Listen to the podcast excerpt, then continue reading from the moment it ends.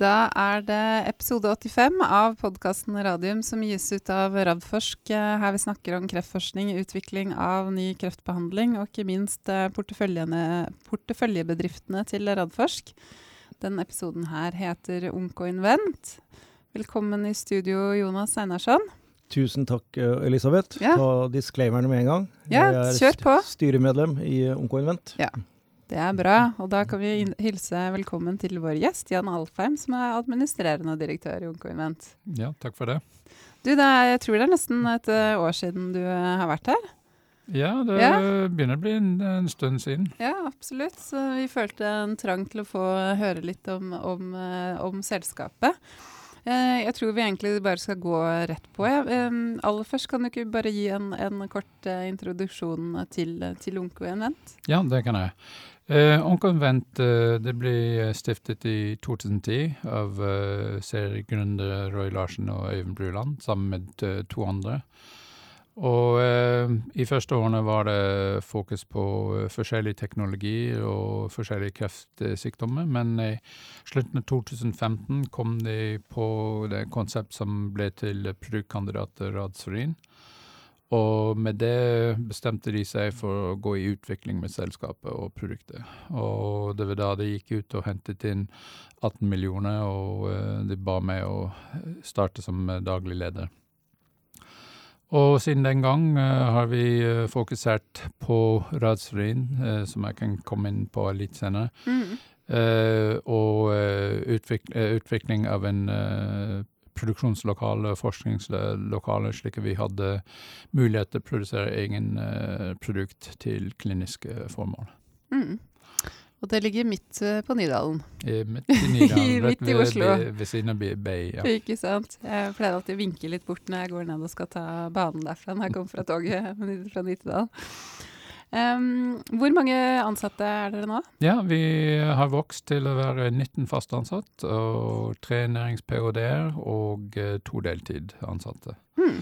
Så øh, vi har bygget opp en team. Det har vært veldig mye fokus på uh, har nok uh, kapasitet til å produsere, og den betyr at man har produksjonsfolk, man har forskere, man har uh, QC-folk for gjøre release på produkter, så har du en uh, kvalitetsteam da, som skal uh, gjøre release, endelig release på produkt når det skal inn i klinikk. Mm.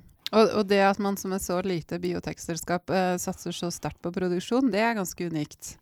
Det er vel Ja, noe som det er, gjør at ikke, dere det er ikke så mange som har tatt Mm. en steg. Det, det kan vi trygt si. Men uh, i vår, for, for oss syns vi det, at eh, det var riktig eh, avgjørelse, fordi vi er klar over at eh, med den egenskapen som Radsfrien har, i at en har en shelf life på en uke.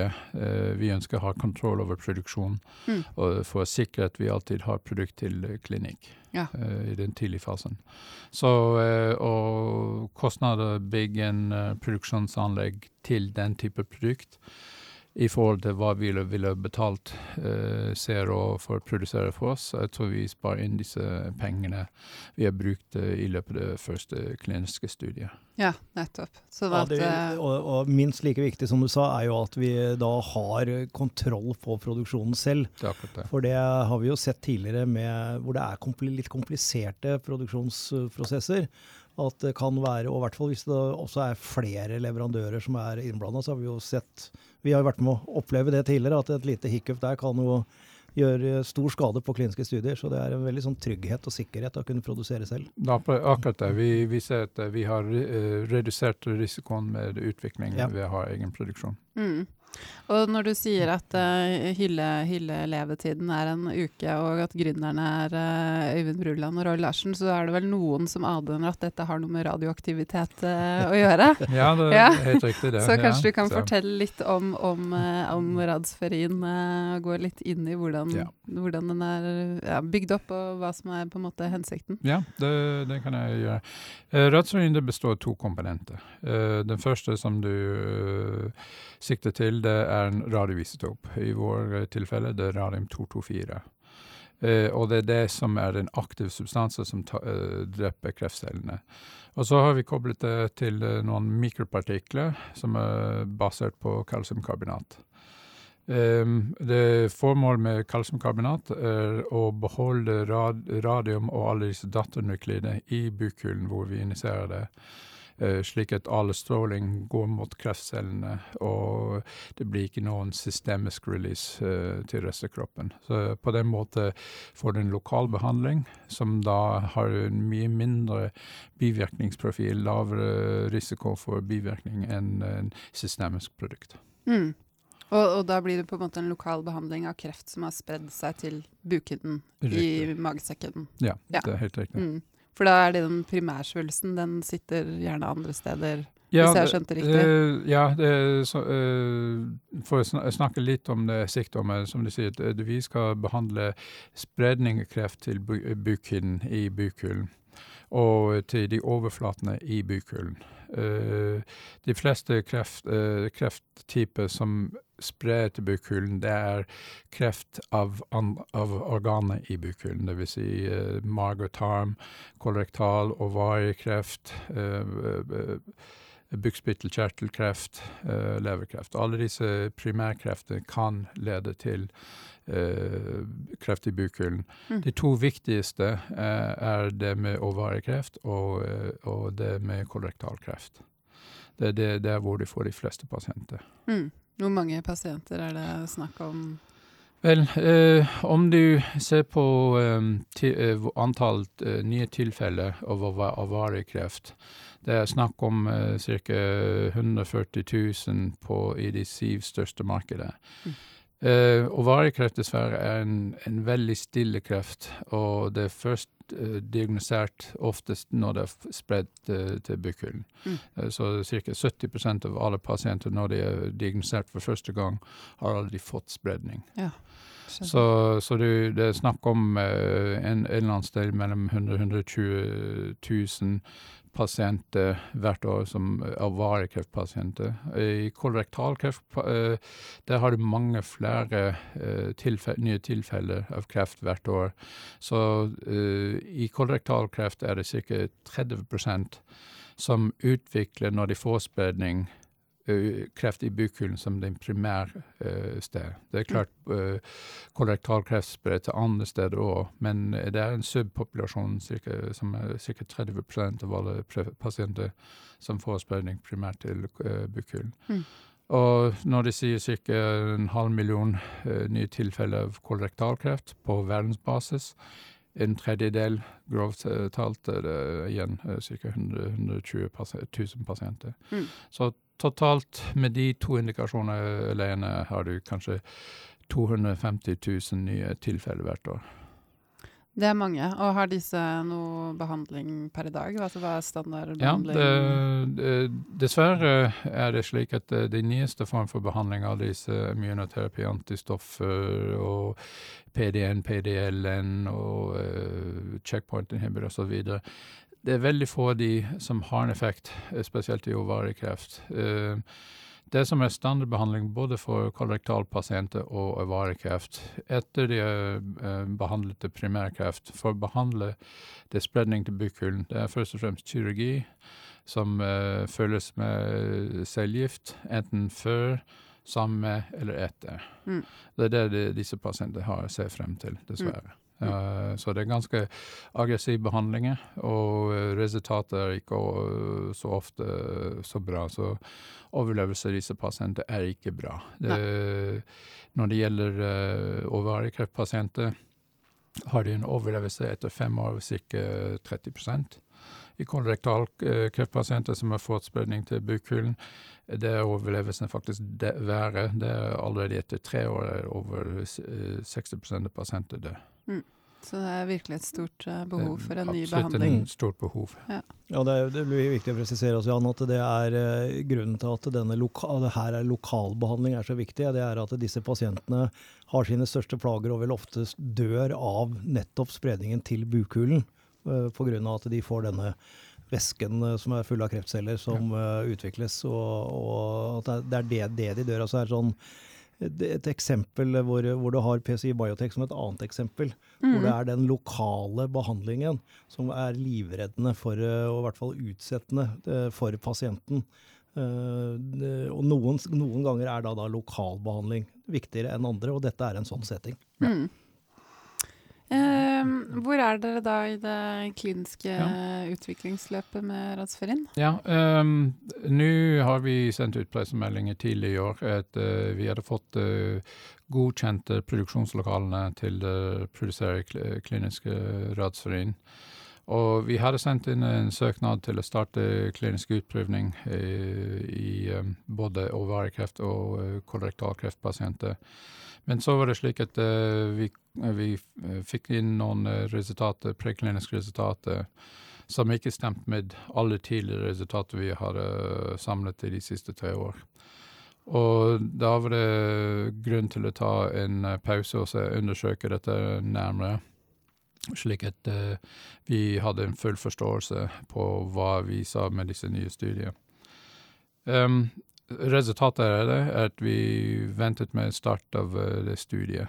Uh, så det vi holder på med nå, er en formulering, en reformulering av produktet for å justere produktet tilbake til det vi hadde alle disse gode resultater med. Mm. Um, det som har skjedd, var at uh, i, i, fjor, etter, basert på alle disse gode resultater, lagde vi en ny, en ny formulering av produktet som uh, vi kunne reprodusere gang på gang, som er nødvendig når du skal gjøre kliniske studier. Uh, og det var i, i, disse endringene vi gjorde til produktet for å få en, en stabilt produkt, som gjorde at vi fikk annerledes resultater. Så nå prøver vi å gå tilbake til det formulering vi hadde fra før, mm. mm. og gjøre den stabilt. Så det er det vi holder på med nå. Mm. Jeg tror det er viktig å presisere, Jan, fordi jeg, jeg, har fått en del spørsmål eh, etter, etter at denne meldingen kom ut. Uh, og, og, at man forstår på en måte at det som er gjort frem til nå, og som har vært det viktigste, det er å lage et produkt som er mest mulig effektivt. Og da mikker man og makker på masse forskjellige parametere, som jeg vet jeg ikke får lov til å si noe om pga. patentsituasjoner, eh, for å både få mest mulig effekt og mest mulig stabilitet i produktet, og oppskalering, og at man kan produsere likt hver gang. Og dette er selve manufakturprosessen, å, få den på plass. Og så eh, gjør man da stadig forskjellige små endringer. Eh, og ser om man eh, da til slutt når det beste kompromisset mellom det. Og da har man den, denne gangen er den siste forandringen man gjorde, viser at det var ikke det riktige å gjøre. Så det dere gjør nå, er å gå tilbake til den som var før det, og for den hadde veldig gode resultater og mm, effekter. Mm, mm. Og så se om dere kan gjøre de endringene som er nødvendige for at dere allikevel får en stabil og god produksjon. Så det er ikke sånn at, at dere har gjort noe galt eller feila. Uh, og, og, jeg har fått noen investorer som har ringt meg og spurt er det liksom kroken på døra for uh, Onkoinvent uh, nå. Og jeg sier at uh, etter min mening er det absolutt ikke det. Dette er det vi må regne med når vi jobber i den type banebrytende vitenskap og, og utvikling. og at vi bare må gjøre en enda en finjustering som gjør at du får en utsettelse. Og hva, hva snakker vi om i utsettelse? Ja, det, det Først eh, bare litt uh, kommentar til det du sa. Um, vi vet produktet fungerer. Ja. Det, det, det, er vi helt sikre på. Det vi ønsker å sikre oss før vi går i klinikk, er å ha det beste produkt uh, når vi starter klinikk. For vi, vi har ingenting som uh, tilsier at produktet ville ikke fungert i mennesket som Nei. det var. Men vi hadde ikke lyst til å ta sjansen når vi vet at vi kunne forbedre det. Nettopp. Og vi mente at eh, det var viktig å gjøre disse endringene nå, før vi går i pasienten, så vi er sikre at vi har det beste produkt. Det er ja. det som er, God saken. Eh, når det gjelder eh, tidslinje, det som vi har sagt i første kvartalsrapport, er at eh, vi tar sikte på å starte klinikk i fjerde kvartal. for Dessverre er det slik at når du endrer på produktet, må du vise at du har samme effekt i dyr, og uh, disse dyrstudiene tar uh, dessverre tre måneder før du har resultatet. Mm. Så til tross at det kan hende vi har en god produkt, er det alltid tre måneder før vi har resultatet, ja. som da må sendes inn til myndighetene for å få godkjent. Så det er derfor vi tar sikte på fjerde kvartal per i dag. Nettopp. Mm. Og da, da, blir det first in man, som man sier. Første gang man, det ja. prøves ut i mennesket. Det er jo alltid veldig spennende. Mm. Eh, hvor skal dere, de kliniske studiene gå? De eh, studiene eh, vi tar, tar, sikte på å eh, starte her på Radiumhospitalet. Eh, begge studier, mm. både kolorektal og ovarie. Og i, i, vi skal også åpne en senter i Belgia eh, hos en investigator som har faktisk gjort uh, ph.d. sin her uh, på, på mm. Radiumhospitalet. Men uh, det er en lege som er anerkjent innenfor gynekologisk kreft, ja. Ignas Vergote. Så han kommer til å lede hele studiet, og det er mm. hans gruppe som skal kjøre over i studiet. Mm.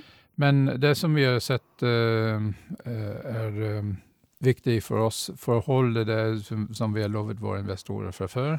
og det vil Si å ha fase én-data før vi går ut og henter ny kapital. Vi ser nå å åpne flere sites uh, ja. i, i, Europa uh, mm. for å sikre oss at vi får nok tilgang til pasienter uh, mm. for å få resultatet inn i løpet av 2020. Mm. Ja. Hvor mange pasienter uh, skal dere ha med? Vel, uh, vi, vi, kjører en vanlig tre pluss tre-opplegg, uh, hvor vi tar en første dose og kjører tre pasienter. og Om vi ikke ser noen uønsket effekt, går vi opp en dose. Mm. og så har vi fire dosenivåer. Uh, fra 1 megabecquerel, 3 og 1, 2, 4 og 7 megabecquerel. Mm. Og um, om det, vi ikke ser noen ting før vi kommer opp til syv, da er det tre pluss tre pluss tre, pluss eventuelt uh, seks. Men om vi har noen ting vi ser underveis, da kan det bli flere. Mm. Men, uh, det, men, det, gjelder begge studier, så totalt snakker vi om uh, 15-20 pasienter per studie. Mm. Og det er nettopp fordi det er en radioaktiv substans som gjør at man har disse doseeskaleringene ja. som går på becquerel, ikke sant? Ja. ja. Mm. Jeg driver og ser på, ser på Tsjernobyl for tiden. Så ja. det, der er det veldig mange flere becquerel, for å si det sånn. Litt mer becquerel der. Ja. Men det du sier, Jan, for dette er også viktig i forhold til uh, mange investorer som lytter på oss, uh, at du, du, du, står på en måte fast ved den guidingen du har gitt tidligere, at du skal skaffe disse dataene før du trenger mer penger. Det er det som vi tar sikte på, ja. Mm. Bra. Ja, men det, det er bra. Um, tidligere i år så fikk dere også, apropos penger, da fikk dere midler fra Det er første gang det har skjedd. Det er bare herr Alfheim som ikke har slått av telefonen sin. Ja, Men det måtte, måtte, jo skje en gang. Det var herlig at det gikk helt til episode 85. Ja. Må passe på din egen, Einarsson. Tenkte ikke jeg hadde mobilen med meg. Nei, jeg, jeg, pleier, jeg burde jo egentlig sagt det. Jeg påtar meg all skyld. Eh, tilbake til spørsmålet. Eh, tidligere i år så fikk dere midler fra dere og Oslo universitetssykehus. Mm. Fikk dere midler fra, fra Innovasjon eh, Norge. Ikke så rent lite med midler heller. Dere fikk åtte millioner mm. kroner. Mm.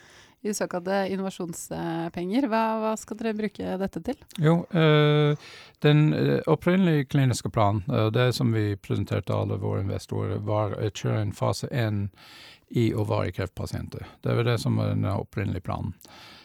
men etter å ha diskutert med de onkologer som behandler disse kolorektalkreftpasienter, skjønte vi at det var like stort behov for å, i, med de pasienter.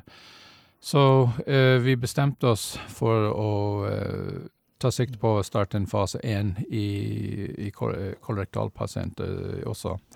Og disse pengene som du nevner, det går til finansiering av den studiet, det ja, kolorektalstudiet. Så det, den, eh, den pengen som vi har fått fra Innovasjon Norge, har gjort det mulig for oss å kjøre de to fase 1 samtidig. Mm. Så, så, det er sånn non-dilutive capital som er veldig mm. kjekt til å øke verdien i selskapet. Mm. Så det betyr mye for dere å ha fått den tildelingen? Absolutt. Ja. absolutt. Mm. Eh, har dere noen andre altså noen produkter under utvikling, eller har dere sånn hovedfokus nå på, på Rasferin? Ja, vel, uh, uh, innen at vi har hatt en uh, endring i produkt vi, på Rasferin som vi måtte gjøre. Da har vi satt alle mann på det mm. i, i, den tiden. Men det er klart vi har ideer på nye produkter, men det er i idéfasen nå. Mm. Det har også det har med andre indikasjoner for rasfrin, og i tillegg til nye, nye, ting som vi, vi, tenker på. Og faktisk en av disse næringsph som vi har i huset, fokus for den, den uh, personen vil være å se på nye ting. Så mm. planen er på sikt å, å, jobbe med de nye ting i tillegg til rasfrin, men akkurat nå er alle mm. fokusert på rasfrin. Det er sikkert aksjonærene veldig, veldig takknemlige for. Um, disse nærings-ph.d.-ene, det er ikke sikkert det er alle av de lytterne våre som veit hva det er for noe, men det er da altså en, en person som er hos dere og tar en doktorgrad og forsker for dere. Og så mm. er det delvis finansiert av Forskningsrådet og delvis finansiert av dere, hvis jeg har mm. forstått det riktig? Ja, det er ca. 50-50 eh, ja. mellom selskapet og, og forskningspengene da. Og eh, for det eh, er eh, disse studenter forpliktet til å jobbe 25% av tiden for selskapet. Men i tillegg til det selvfølgelig er oppgavene fokusert på ting som er interessant og relevant for selskapet. Mm. Så det er forskning, men mm. det kan lede til nye produkter på sikt. Mm. Eller bedre forståelse på de produkter som vi har. Hvorfor, hvorfor er det bra for dere å ha nærings-ph.d.-er? Jo, vel, uh, vi driver med forskning. Uh, og uh, å få inn nye folk med nye ideer er absolutt viktig for selskapet. For å øke kunnskapet i selskapet. Og samtidig er det en veldig fin såkalt grooming av nye mm. forskere mm. til selskapet mm. på sikt. da. Så, så den første nærings-PD, hun Eh, skal disputeres nå eh, til høsten, og etter det regner vi at hun eh, starter hos oss fulltid som forsker. Ja, det er en rekrutteringsmåte ja, også. Ja. Ja, og det kommer også publikasjoner uh, ut av det. Og Ikke. publikasjoner fra intern forskning i selskapene. Det er viktig i den vitenskapelige verden, og også med tanke på big pharma-selskaper. Så den, det samarbeidet der mellom, mellom, myndighetene og næringslivet gjennom nærings-ph.d.-er, mm. det er svært positivt. og, og et så lite selskap å ha tre stykker, det er, eh, det er Ja, det er derfor jeg ble så nysgjerrig på dette. For ja. det er heller ikke så veldig vanlig at man har så Eller at man har nærings-ph.d., eller at man har så mange. Jeg tenker ja. det er en veldig fin måte å gjøre det på. Men, eh, men uh, vår uh, track record, det, det, er en suksess vi har hatt med, med Sara, den første. Mm. En, uh, ha, det er hun som har publisert de viktigste publikasjonene på Radsforin. Hun står som inventor sammen med Roy på patentet til Radsforin, så ja. hun har vært veldig sentralt i utvikling av produktet vårt. Så. Mm.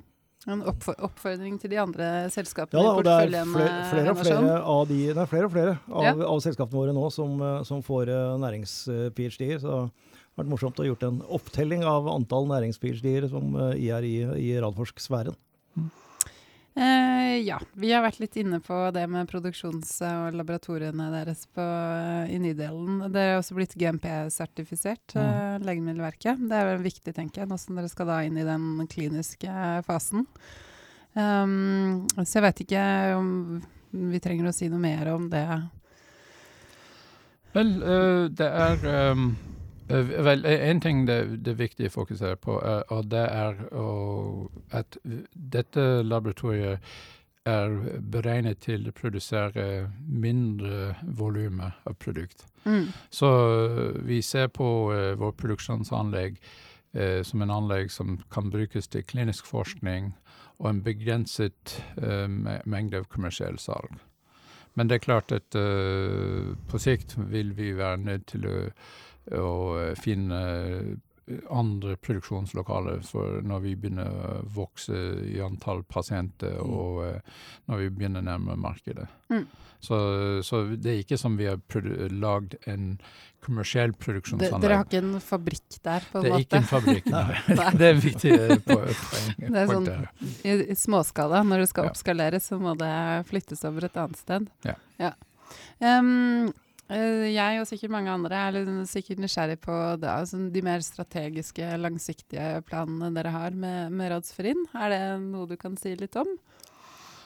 Um, uh, vel, uh, for selskapets del vi er veldig fokusert på å komme i klinikk først. Mm. Det, og den kommer det ta oss ett år. etter det har vi plan om å kjøre en pivotalstudie, og det mener vi vi kan klare alene. Men Uh, underveis når vi er i gang med det pivotale, det er klart at uh, uh, vurdere partner på både utvikling og kommersialisering av produkter. Det, det er klart vi kan se på det på den tidspunkt. Det er jo sånn at hvis det kommer noen og banker på døra, så må man jo ønske de velkommen inn og høre hva de har det å si. Er klart, vi, det kan jo være vi er alltid opp, uh, opportunistiske i, i, vår holdning. Og ja. om det er noen som er veldig keen å jobbe sammen med oss, det uh, vurderer vi. Ve mm. I forhold til finansene, vi har jo vært, vært, inne på det, men da har dere nå hentet inn penger, og dere skal på en måte gjennomføre da første kliniske studien med de, med de pengene. Mm. Mm. Ja. Nei, men uh, fremtidig uh, finansiering av uh, selskapet Det er litt tidlig å, å si noe om det. Styret har ikke tatt stilling Nei. til den neste runden med finansiering, hvordan det blir en gang. Så. Nei. Det er en løpende vurdering i forhold til uh, data, tidspunkter og marked og ja, hele, hele pakka. Ja, nei, for neste spørsmål er uh, planer om eventuell børsnotering. Men jeg må stille det, da. Vi ja, har jo lyttere som er interessert i det. Kan det ja. Vi kan ikke sitte her i studio og se på hverandre og bare mm. Ja, nei, men uh, som sagt, styret har ikke tatt stilling til hvordan den neste finansiering blir. Nei.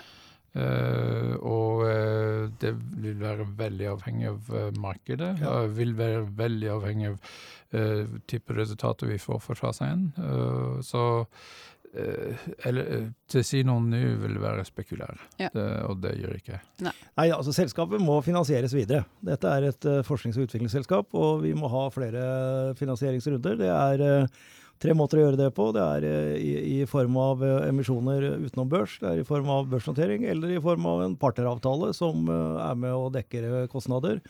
Og, og, det må man bare være helt pragmatisk og vurdere fortløpende underveis hva som er det beste for selskapet, og ikke minst for aksjonærene, når, når den tid kommer. Mm. Det skjønner jeg. Du sa så vidt eh, innledningsvis, eller jeg vet ikke om det var når vi var på lufta, eller dere, Jonas og du Jan, snakket litt, men du også skal til, eh, til ASKO, mm -hmm. som er da den største kliniske kreftkonferansen i verden. Når dette er på lufta, så er dere der borte. Ja. Men hva, hva, skal du se, se etter på ASKO? Er det noen spesielle ting du har blinka deg ut som er du skal følge med på? Nei, vel, uh, vi har et par møter som vi har avtalt uh, fra før. Blant Bl.a. med potensiale potensial investigators for fremtidig studie. men det er å finne ut hva det er som rører seg innenfor det feltet vi jobber inn i. Mm. om det, det, har fått noen nye bedre resultater for overvarige kreftpasienter, mm. blant annet. For at, uh, som, som, jeg sa tidligere, uh, de siste resultatene for disse nyeste form for behandling har ikke vært lovende. Mm. Ikke sant? Det er en fåtall som får en veldig god effekt, og alle ja. andre får ingenting. så... Det, er, det, er, Noe av det viktigste er jo nettopp det som Jan sier. En, en, en ting er hva skjer innen radiofarmaka-området. Uh, vi, vi, har jo sett at det er blitt veld, veldig mye hottere de siste årene enn det har vært tidligere. Mm uh, det er viktig å følge med på og, og, se hva som skjer av nye ting. Uh, er det nye ting som kommer med denne type sånn nesten medical device. Vi, vi, diskuterte jo det tidligere om vi skulle gå den veien. som kommer. spennende å se på det. Og så er det også å følge veldig nøye med på utviklingen av eh, standard of care for de indikasjonene som man ønsker å gå i. For vi må jo alltid posisjonere oss i forhold til det, og helst bør vi vite hvordan den ser ut om tre år, når vi velger hvordan vi skal designe den. Være god, altså god til å spå i den der krystallkula? Ja, du, du, du, må faktisk kunne tillate deg å tørre å spå litt, grann, ja. og se hvordan dette blir når vi eventuelt kommer på markedet. Hvis du starter en pivotalstudie med en behandling, og så er det en, ny behandling som er på vei og har kommet uh, ganske langt, og så kommer du ut i enden av den, og så har standard of care-behandlingen eh, forandret seg så mye at det går utover hvordan du gjør det. Så det er, det, det er veldig Da er det jo tilbake til uh, square one. Ja, så det er utrolig ja. viktig å, å, være fokusert på dette her, og ikke minst ha da kliniske rådgivere som du har med, med Øyvind Bruland og, og Fergåte og, og, og disse, som, som, jo er helt oppdatert på, på dette. Så det er, det er viktig å være til stede. Ja. Mhm. En annet eh, aspekt er å høre hvordan eh, myndighetene tenker. For at eh, ofte FDA kommer med uttalelser på disse ASKO-konferanser som du vil aldri få med deg til langt i ettertid. Og en av de ting som skjedde i fjor, var eh, det med såkalt basket indication på en del av disse kreftmedisinene. Og Ja, forklar hva det går ut på. ja, det, det går ut på at FDA har godkjent i hvert fall én preparat eh, for flere krefttyper, Mm. basert på at disse krefttyper viser seg ha en biomarker. Uten at eh, selskapet har vært nødt til å kjøre kliniske studier i alle de forskjellige krefttyper. Mm. Mm. Og det er en veldig eh, spennende tanke. Ja. Eh, og når vi har en produkt som eh, skal behandle en metastatisk kreft som kommer fra mange eh, forskjellige krefttyper, Mm. primærkrefttyper, ville vært interessant å se om det er noen uh, muligheter for oss i en sånn tenkning. For det er klart, uh, per i dag ved fase 1 kjører vi to separate studier, en for kolorektal og en for uh, ovarikreft. Men vår pivotalstudie, det ville vært veldig fint om man kunne inkludere alle eh, Ja. kreftpasienter som får eh, spredning til bukhulen. Mm. Så eh, se hva myndighetene tenker, og eh, hvordan situasjonen situasjonen utvikler seg. Det er veldig viktig å få med. Ja, det var altså en, en, en jeg ikke tok med når jeg oppsummerte hva som er viktig å se etter. Det er selvfølgelig det regulatoriske eh, og utviklingen innenfor det som du sier. For det er klart at det, det, Drømmen ville jo vært at indikasjonen for radsferien er spredning av kreft til Mm. bukhulen. Uh, uavhengig av hva som uh, hva, hvor, hvor det kommer fra. Og i og med Mhm. at dette er radiofarmaka og ikke et type antistoff eller gå på mutasjoner, så, så vil jo biologien tilsi at det skal virke like godt uansett. Uh, vi er ikke der ennå, men, men det er en viktig utvikling. Kanskje den pivotalstudien kan bli en basketstudie. Ja. Det har Mm. det har vært spennende. Men, men øh, siste spørsmål av ren nysgjerrighet. Altså Radiofarmaka det er jo et område hvor Norge ligger veldig langt framme. Altså, vi har Algeta, vi har Nordic Nanovektor, Oncoevent ikke minst. Vi har Institutt for energiteknikk. eh. Men, men øh, hvor langt framme er vi?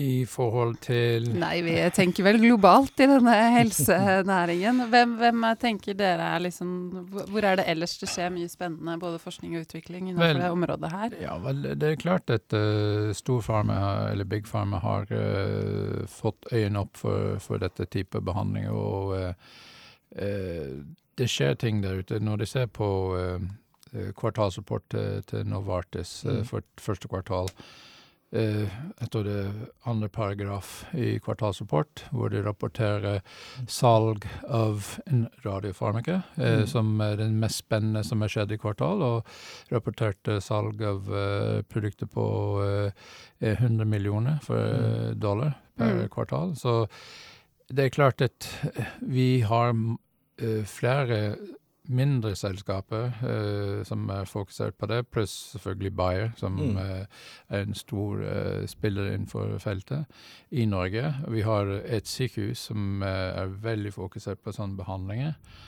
Um, så det er klart vi har en miljø her i Norge som veldig få andre land har. Men jeg tror vi skal ikke lure oss selv og si at eh, vi er det eneste ekspert i området, for det, det er klart det, det finnes eh, andre der ute som jobber på det, det feltet. Du har en veldig sterk miljø i Australia, annet. Ja, jeg sa det. Noe Eh, spennende. Ja, Mm. og så, men vi, vi absolutt har de fleste typer radiofarmaka, vil Ja. jeg si. Vi er vi er med i racet. Ja, ja. Ja. ja. Mm. det ja, er for det noen ganger så er det litt sånn interessant å ha den benchmarkingen i forhold til hvor man ligger, i hvert fall på Ja. et sånn type område som det her. Aha. Men uh, jeg tror, da tror jeg egentlig bare gjenstår for meg å ønske dere en veldig god tur til, uh, til Chicago. Ja. Og så snakkes vi når du er tilbake, Einarsson. Det gjør vi. Sorry. Ha det. Takk, Takk for det. skal du ha. Ha det.